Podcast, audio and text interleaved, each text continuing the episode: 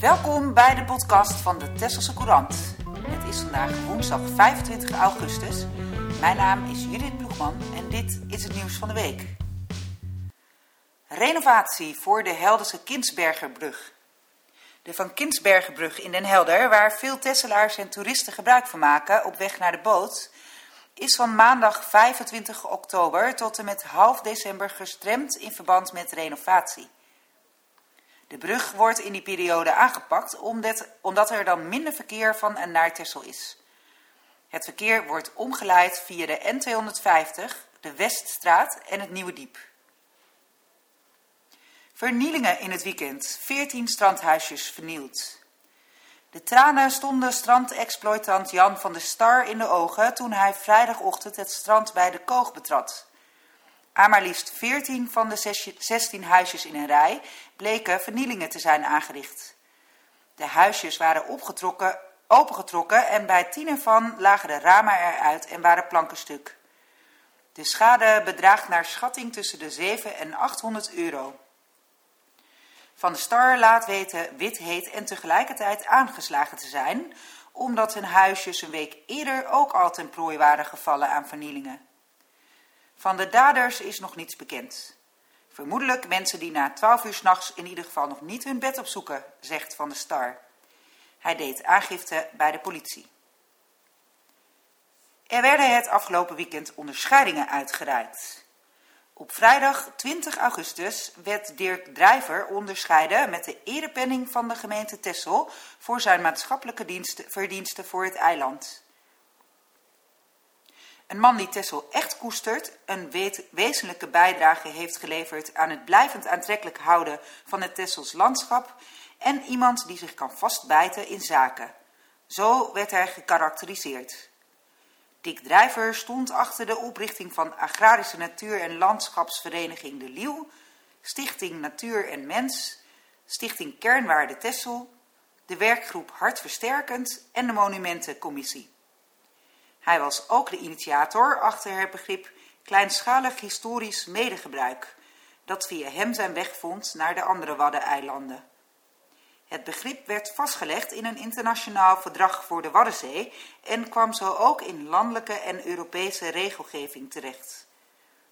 Ook is het opgenomen in de agenda voor het Waddengebied van 2050. 2050. Dankzij die inzet wordt voorkomen dat gebruiken die op het eiland normaal zijn, zoals jutten, zwemmen in zee en het plukken van bramen in de natuur, verloren gaan in wet en regelgeving. Drijver, die in 2005 al eens koninklijk onderscheiden werd, toonde zich onder de indruk dat hij zich als zich drager van de erepenning mag noemen. Hij benadrukte dat natuur en mens moeten worden gezien als bondgenoten met wederzijdse belangen. Hij droeg de onderscheiding op aan zijn overleden vrouw Nel en kinderen en hij betrok ook zijn in 1982 overleden zoon Peter in het geheel. Een uitgebreid verslag over de verdiensten van Dirk Drijver leest u in de Tesselse Courant van 24 augustus. Op zondag 22 augustus werd Marloes van der Vis onderscheiden als drijvende kracht achter de paardensport op Tessel. Ze voelde zich even overvallen toen zondagmiddag ineens de burgemeester voor haar aanwezig bleek bij Manege Akenburg. Als waardering voor haar jarenlange inspanningen voor de paardensport op Texel werd Marloes van de Vis koninklijk onderscheiden tot lid in de orde van Oranje Nassau. Haar man Jaap spelde de versierselen op in de kantine van de manege. Een paar mensen die betrokken waren bij de aanvraag hebben er met succes meer dan een jaar hun mond over gehouden. Al sinds 1987 spant Marloes zich in voor het Tesselweekend, het jaarlijkse hippische evenement op het eiland. Dat doet ze samen met Marloes Bastiaanse, Julia Esselman, Lianne Terstegen en Charity Wetsteen. Charity prees Marloes namens de vereniging voor de inzet die ze aan de dag legt. Burgemeester Uit de Haag merkte op dat het evenement jaarlijks een mooi bedrag voor de clubkas oplevert, waardoor het lidmaatschap en het lesgeld voor de leden van de paardensportvereniging laag kan blijven. De scholen zijn weer begonnen. In het basisonderwijs werden de kinderen maandag weer ontvangen. Op de Vliekotter in Oosterend werden ouders en leerlingen ontvangen met bubbels en een ballonnenboog. Leerlingen van OSG de Hoge Berg hebben vandaag hun eerste schooldag. In het middelbaar onderwijs geldt voorlopig nog een mondkapjesplicht. Leerlingen en personeel moeten deze tot in elk geval 20 september nog dragen in de binnenruimtes, zolang ze niet zitten. Daarna hoopt het kabinet deze maatregel, evenals de anderhalve meter maatregel die voor het personeel geldt, los te kunnen laten. En meer scholennieuws. De GGD zet geen vaccinatiebussen in bij middelbare scholen. Het was een hardnekkig gerucht, maar het is onwaar, laat GGD Hollands Noorden weten. Er worden geen zogenaamde coronaprikbussen langs de scholen voor voortgezet leerlingen ingezet om scholieren in te enten tegen het coronavirus. Ook voor de toekomst is er geen enkele aanleiding die dit gerucht kan voeden, reageerde de woordvoerder. Mensen die nog een vaccinatie tegen het virus willen halen, kunnen volgens de GGD uitsluitend terecht op de bestaande vaccinatielocaties.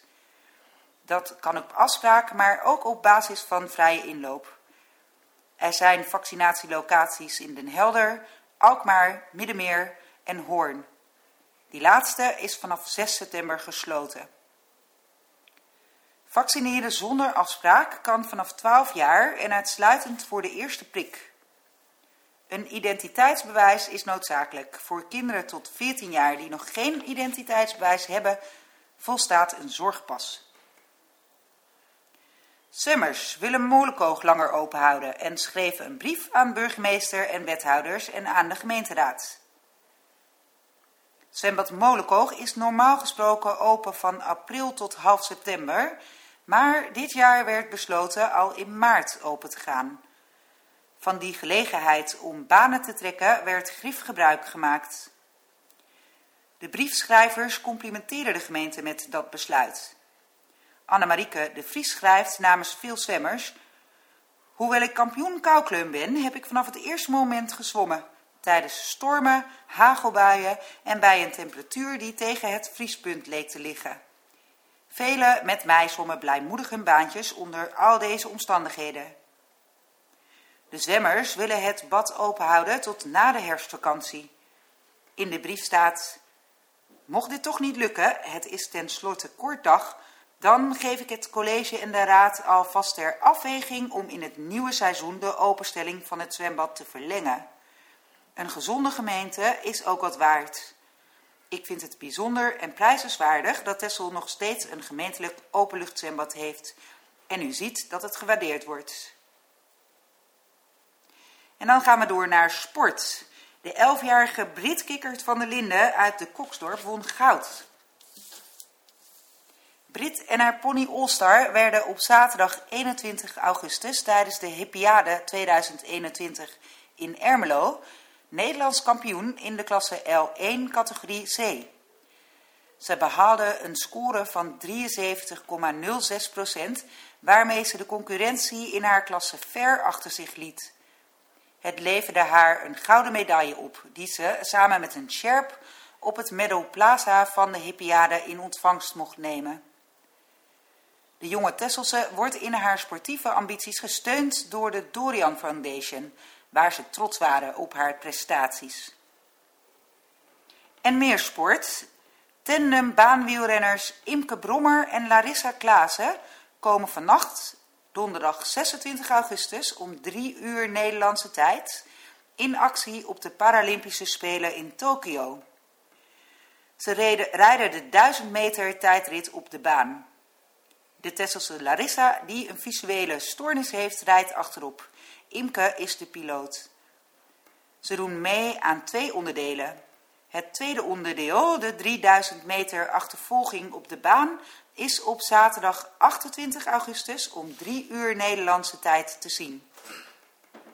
Larissa deed in 2016 ook al mee aan de Paralympische Spelen in Rio de Janeiro en behaalde toen zilver. En dan tot slot nog een oproep. De alternatieve avondvierdaagse wordt van maandag 20 tot en met donderdag 23 september gehouden en kan nog wel wat aanmeldingen gebruiken, laat de organisatie weten. Wandelsportvereniging Het Gouden Boltje is blij dat de avondvierdaagse in september gehouden kan worden. Dat gebeurt wel op een andere manier dan men gewend is. Vanwege corona is er geen onthaal op de Groene Plaats en wordt er alleen een route uitgezet van 5 kilometer. Opgeven kan digitaal via de website van het Gouden Boltje www.hetgoudenboltje.com. De Tesselse Courant verschijnt twee keer per week en staat steeds boordevol nieuws, reportages en achtergronden. Neem ook een abonnement op de lokale krant van Tessel. Kijk op www.tesselsecourant.nl voor de mogelijkheden. Bellen kan natuurlijk ook tijdens kantooruren op nummer 0222 362 600.